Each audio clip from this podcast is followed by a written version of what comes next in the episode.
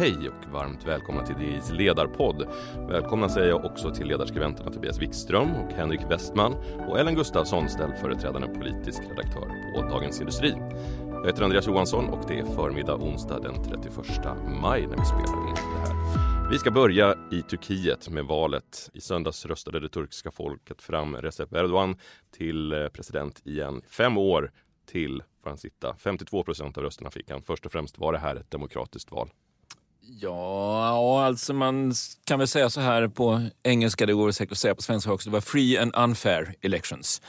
Eh, det är ju så att eh, tekniskt sett kan ju ett val vara, vara helt fritt men om eh, det styrande partiet och presidentens parti eh, kontrollerar medierna och eh, vad ska vi säga, tilldelningen av eh, budgetmedel och alltså det förmånliga, eh, lag, förmånlig lagstiftning om valprocedurer och sådär. Så, så på så sätt så anses det nog inte vara ett rättvist val. Men tekniskt sett själva valdagen så vet inte jag om det har kommit några betydande rapporter om att det skulle varit regelrätt valfusk.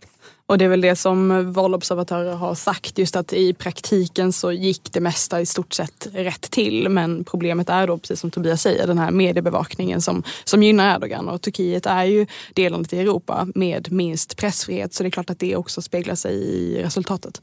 Hur såg motståndet ut då?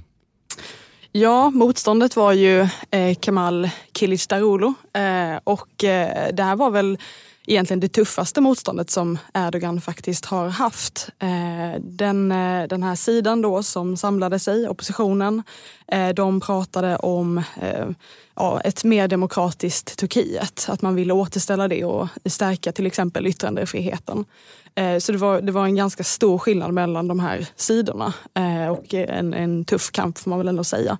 Och det stora problemet för, för Erdogan har ju varit det ekonomiska läget som de har haft i landet. De hade den högsta inflationen i oktober förra året på 24 år och de senaste månaderna så har inflationen legat ja, nära eller uppemot 60 procent i årstakt. Och, eh, och han har ju spett på detta eh, genom att eh, han har inte velat, han har, han har drivit på för sänkt ränta till exempel.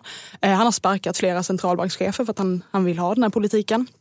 Och då har ju oppositionen då sagt att ja, men vi lovar en självständig centralbank och med Erdogan så får ni fortsatt stigande eh, priser på, på allting i landet. Så det här, han hade ju ett väldigt tufft läge, Erdogan, eh, men det räckte ju inte hela vägen i alla fall.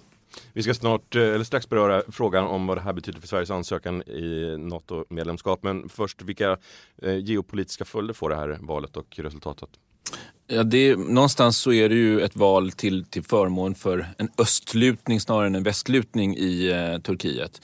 Sen är det också så att Erdogan har ju ett några kompisar som, som, eh, är, vad ska vi säga, som leder länder på samma sätt som han gör och kanske är regelrätta diktaturer. Erdogan och Turkiet har ju fått ekonomiskt stöd av eh, och, och samarbete med Ryssland, Saudiarabien, Förenade Arabemiraten och Qatar och sådana där länder som vi kanske inte förknippar eh, med Eh, Eh, demokrati, eh, för att uttrycka det milt. Så att eh, han har ju ett antal vänner åt det hållet, men han är ju också beroende av, måste man ändå säga, av ett eh, hyggligt samarbete med väst. Eh, men om det är något som är geopolitiskt förändrat med det här, eller som det påverkar, så är det ju en lutning åt öst. Så vad betyder då det här för Sveriges ansökan om NATO-medlemskap?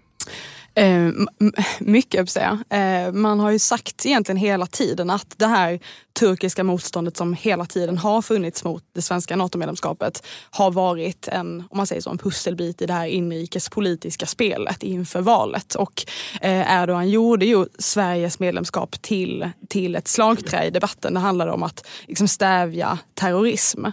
Eh, och eh, så egentligen redan förra året så har man sagt att när det turkiska valet väl är genomfört så kommer eh, delar av det turkiska motståndet att, att släppa. Eh, så att dels är det liksom den biten och eh, det finns väl mycket som tyder i alla fall på att det kommer att bli så. Ehm, det var ordföranden i den amerikanska kongressens utrikesutskott som sa att de har fått löften om att Sverige kommer få grönt ljus efter det här valet. Ehm, och ehm, när, när Biden ringde till Erdogan, eller pratade med honom eh, och gratulerade till Eh, till vinsten så, så tog man också upp det här svenska med, eh, NATO-medlemskapet och i samband med att Turkiet vill ju köpa stridsflygplan från USA, eh, F16. Och då finns det ju någon slags tit for tat eh, resonemang i detta. Att ja, men man, USA vill se Sverige som NATO-medlemmar och driver på för det ganska hårt just nu. Eh, och rent krast, Turkiet är ju just nu en viktig spelare i, i hela det här pusslet. Och eh, eh de har sina starkaste kort att spela fram till NATO-mötet i Vilnius i juli. Och efter det kommer pressen på Turkiet att, att eh, liksom, kostnaderna för dem kommer att öka. Eh, och motståndet kommer bli ännu, ännu värre. Så att de har ju sina starkaste kort nu de, ja, fram till juli egentligen. Så att, eh, jag tror att det är sannolikt att det kommer att komma ett godkännande. Sen är frågan om man rent tidsmässigt hinner med det. Eh, för det är mycket som ska eh, göras i alla fall innan man kan stå och hissa eh, den svenska flaggan där i Vilnius. Hade Sverige kunnat göra något annat i, eh, något annorlunda i NATO-processen? Jag tycker det är svårt att se vad det skulle ha varit. Eh, jag tycker att regeringen har agerat så vad ska vi säga, så, så skickligt eller så, så, så som man kunde göra när de här sakerna hände med den här eh, eh, Eh, upphängningen av den här Erdogan-dockan och koranbränningarna och så vidare. Jag kan inte tänka mig att en annan regering skulle ha gjort på något väsentligt annorlunda sätt. Man försökte släcka de här bränderna om uttrycket tillåts och hantera det på ett diplomatiskt sätt. Men det, vi vet ju sedan tidigare när med, de, med eh, Mohammed-teckningarna i Danmark och sådär att det här är, det kan bli lite okontrollerat och en ledare som Erdogan drar sig definitivt inte för att eh, för att utnyttja detta. Så jag, nu verkar det ha lugnat ner sig på den fronten. Och Alltså, om, om man ser det enbart utifrån målet att Sverige ska lyckas med sin NATO-ansökan så tycker jag att det har varit hyggligt eh, skött. Sen kan man säkerligen ha invändningar på hur snyggt är det här? Eh, vad, eh, vad betyder det här för yttrandefriheten i Sverige och demonstrationsfriheten och så där. Det är en fullt legitim diskussion. Men om vi ändå skulle begränsa det till att liksom, den här viktiga säkerhetspolitiska frågan så tycker jag ändå att regeringen eh, har eh, gjort det på så bra som man har kunnat. Liksom. Och alla delar av det turkiska motståndet har inte uppstått under NATO-processen. En del har ju till exempel varit det här att den tidigare regeringen eh, slöt ett avtal eh, med Amineh Kakabaveh eh, och utlovade samarbete med kurdiska organisationer som Turkiet terroristklassar. Så att det här har ju funnits med i hela tiden och jag håller helt med om att jag tror egentligen inte att det är någonting som regeringen hade kunnat göra annorlunda för att mycket som har påverkat har ju varit externt. Om Erdogan-dockor och koranbränningar, det har ju påverkat påverkat processen men inte varit en del av så att säga, Sveriges förfarande i hur vi har skött den. Eh, och eh, sen har man ju, man har ju agerat. Det är väl imorgon då, första juni, som en ny lag träder i kraft som kriminaliserar deltagande i terrororganisationer. och det är ju en del av att eh, uppfylla eh, de, här, eh, de här kraven som ställdes på Sverige. Så att man har, man, vi, har fyllt, vi har uppfyllt det avtalet som, vi, som slöts i Madrid förra året. Och den lagen har ju, började förberedas långt innan NATO-medlemskapet var påtänkt. Men det spelar ju mindre, samma, eh, mindre roll i ett sånt här förhandlingssammanhang. Eh, det kan ju ändå, Erdogan borde kunna ändå, om han behöver motivera en omsvängning inrikespolitiskt så måste det här vara en perfekt sak att säga att igår så trädde den här lagen i kraft i Sverige och eh, jag är mycket nöjd med att ha bidragit till att det har blivit så här i Sverige. Ja, så, så skulle det kunna vara, tänker jag. Ellen, du nämnde eh, att eh, USA ska sälja F16 till Turkiet och lite påtryckningar där från Bidens sida till Erdogan. Det sätter fingret lite grann på en annan nyhet som vi rapporterade om i DI här i veckan, nämligen att Putins vänner Brasilien och Sydafrika ju köpt Gripen-systemet. Vad betyder det här egentligen, eh, Henrik? Ja, det är en, en väldigt bra nyhet. Det är mycket intressant. Där ser man hur snabbt världen har, eh, har ändrats eh, och hur de här länderna har blivit djupt problematiska. Och då är det framförallt Sydafrika som har närmat sig Ryssland och Putin och dragits in i hans sfär. Landet eh, håller ju militärövningar bland annat och har militära kontakter. Och sen så är det då den här detaljen att eh, deras eh, flygvapen utgörs av Sveriges mest avancerade vapensystem, alltså Gripen. Och det är ju inte ett problem i sig, utan problemet och risken är, blir ju om Ryssland utnyttjar sina goda kontakter med Sydafrika för att få inblick i eh, det här systemet. Eh, och på så vis kan det ju då påverka eh, den svenska försvarsförmågan. Det är ju inte det är ju självklart inte positivt att, att Ryssland får inblick i det, om de nu skulle få det. Men som framgick av eh, den här intervjun med Saabs vd så var ju han trygg med att det, det, han, han, det här slutanvändningsintyget som är centralt i alla sådana här affärer, det vill säga att tredje part inte ska ta del av tekniken. Han, han ser att det är uppfyllt och ser inga brott mot det, så han var ju inte jätteorolig. Men det visar ju, tycker jag, det intressanta är det visar hur snabbt saker och ting har förändrats och hur ett antal länder som nu eh, står eh, Ryssland ganska nära eller mycket nära förfogar över det här vapensystemet. Hur problematiskt är det då sett i ljuset av en framtida svensk NATO-medlemskap? Det tror jag inte är problematiskt alls. Eh, NATO-medlemskapet ska man nog snarast se som någonting väldigt positivt för svensk eh, försvarsindustri. Vi kan ju då som NATO-medlemmar vara med och påverka den här viktiga standardiseringsprocessen. Svensk, svenska produkter och svenska tjänster, svensk teknik kan ju komma in i NATO NATO-projekt mycket, mycket tidigare och det gynnar ju både Sverige och eh, även eh, våra NATO-kollegor. Vi skiftar fokus från försvarsfrågorna och välkomnar DIs reporter Martin Rex som följer utvecklingen i Ilja Batljans SBB. Vad är det som händer egentligen, Martin? Eh, det som händer är en eh, ja, långsam eller snabb, beroende på hur man ser det, eh, kollaps av eh, ett av Sveriges eh, stora fastighetsbolag, en av dominanterna inom Hej, Ulf Kristersson här. På många sätt är det en mörk tid vi lever i. Men nu tar vi ett stort steg för att göra Sverige till en tryggare och säkrare plats. Sverige är nu medlem i Nato. En för alla, alla för en.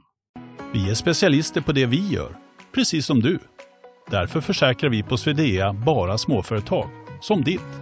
För oss är små företag alltid större än stora och vår företagsförsäkring anpassar sig helt efter firmans förutsättningar. Gå in på swedea.se företag och jämför själv. Det segment som kallas samhällsfastigheter. Det är en kollaps till följd av ett förändrat eh, ekonomiskt läge med en snabbt stigande ränta som bolaget haft mycket svårt att hantera. SBB har ju varit ett extremt hyllat och framgångsrikt bolag fram till nu.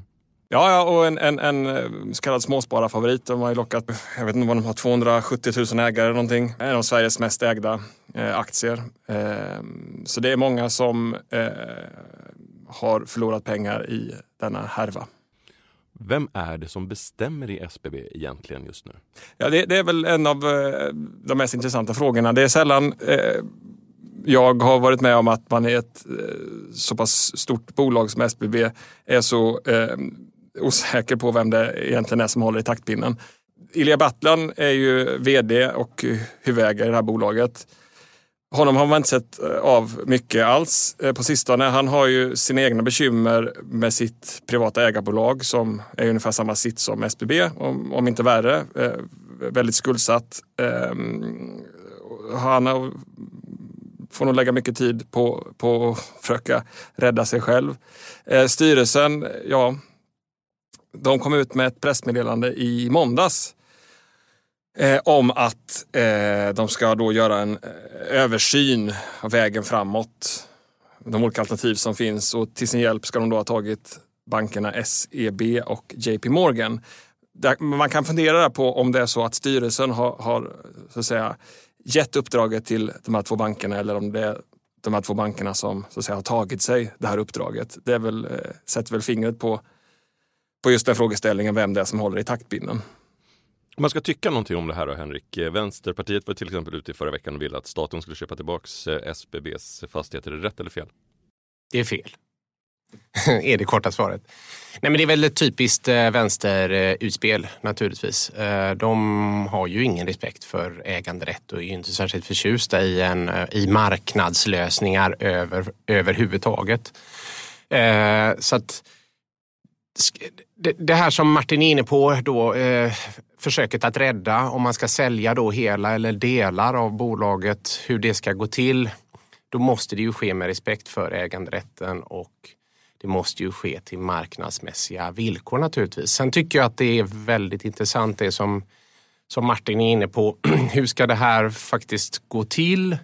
Och um, vem ska vara tagare av det här? För det, det är väl enorma, ett enormt bestånd det handlar om. Ja, vid, vid eh, senaste kvartalsutgången så om jag inte missminner mig så hade de ett, ett re, redovisat eh, värde, redovisat värde på fastighetsbeståndet var 134 miljarder. Sen kan man diskutera då den värderingen. Eh, men, men det är vad det, vad det är upptaget till i böckerna då. Eh, och, det, och det funkar ju eh, så i, i bolag generellt som har, som har eh, lån att, att för det mesta så, så sitter ju liksom bolag och, och långivare någonstans i samma båt. Man, man, man vill samma sak och det är liksom ett givande och tagande och alla vill att det ska gå åt ungefär samma håll. Men så kan det ju komma till en punkt där det där, det där inte längre gäller. Va?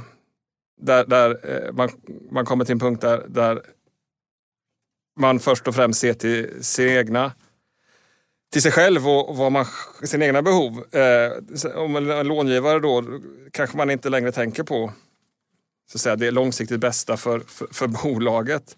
Utan här gäller det att rädda det som räddas kan i form av, av eh, sina egna krediter. Och det är väl det som jag, jag menar med, eh, man kan fundera över eh, den här den här utvärderingen då om, om försäljning av tillgångar och segment eller hela bolaget. Vad, vem det egentligen är som, som rattar den. Mm. Henrik? Eh, jag tycker det är väldigt intressant. Hur, hur, hur, eh, vad är din bedömning Martin? Hur orolig, hur orolig ska, man, ska man egentligen vara? Så här mycket fastigheter då. De hade ett bokfört värde på 130 miljarder plus. Mm. Och det, en del åtminstone, eller en stor del av det ska väl, ska väl säljas för att han ska kunna lösa bolagets direkta lån och hans ägarbolag då som också sitter på, på, eh, på mycket, mycket lån. Eh, hur, hur, liksom, vem, vem ska vara tagare av det? Vem ska köpa eh, det där? Och, eh, och, och, vad är risken i det om det blir så att säga okontrollerat? Ja, alltså den uppenbara risken med att det är okontrollerat är väl att, att man får in ägare som ja, men, lite slarvigt kan betecknas som liksom, oseriösa då till fastigheter som ja, i varierande grad ska vi säga kan betecknas som någon form av liksom, social infrastruktur, alltså eh, samhällsviktiga fastigheter. Man kan väl diskutera här hur, i vilken mån SBBs bestånd utgörs av faktiskt liksom, samhällsviktiga fastigheter. Alltså, eh, det finns ju någon definition för sådana samhällsfastigheter då, att det ska vara just eh, fastigheter som är eh, där hyresgästerna består av liksom skattefinansierad verksamhet och att de då ska vara liksom anpassade för, för den typen av verksamhet. Alltså till exempel en skola, liksom det ska bedriva skolverksamhet och det ska vara liksom anpassat. Om man då köper en liksom gammal prästgård i, i, i Västernorrland och, och har ett LSS-boende där, är det då en liksom, samhällskritisk fastighet? Jag vet inte. Eh, så att man kanske inte ska vara alltför eh, liksom alarmistisk över just eh, eh, SBBs bestånd totalt sett. Eh, om det skulle, eh, vem som äger eh, de här fastigheterna. Eh, sen finns det ju absolut delar av eh, SBB som, som är liksom traditionell. Skolor och gymnasier och sådär. Eh, de är dock avknoppade i ett liksom, sidobolag som ägs med någon annan. Eh, så hur, vem som bestämmer över dem är också så här, oklart återigen. Vad kan vi vänta oss framåt nu då?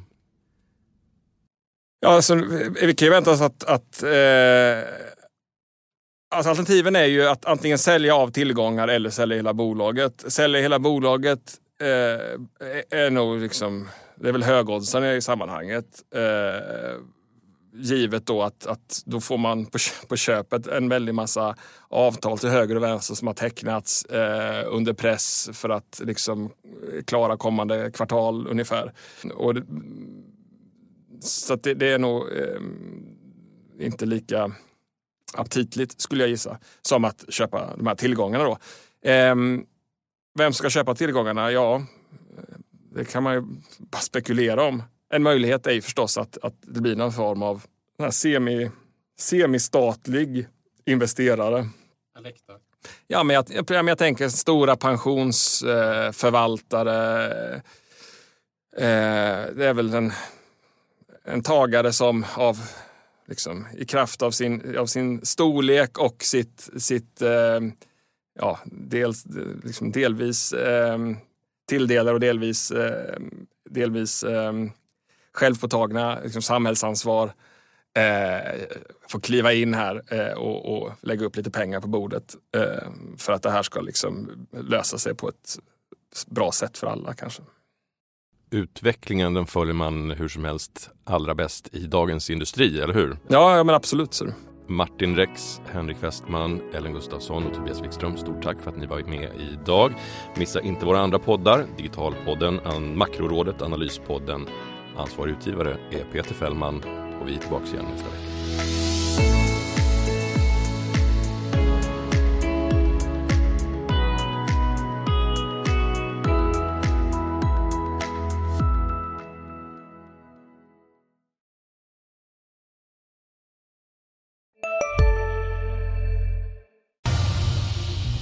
Expressen gör varje vecka podden Politikrummet där vi djupdyker i det senaste och viktigaste inom svensk politik. Med mig, Filippa Rogvall, som programledare tillsammans med mina vassa kollegor. Och det är ju ni som heter Thomas Nordenskjöld, Anette Holmqvist och Viktor Bartkron. Politikrummet kommer med ett nytt avsnitt varje tisdag. Vi hörs.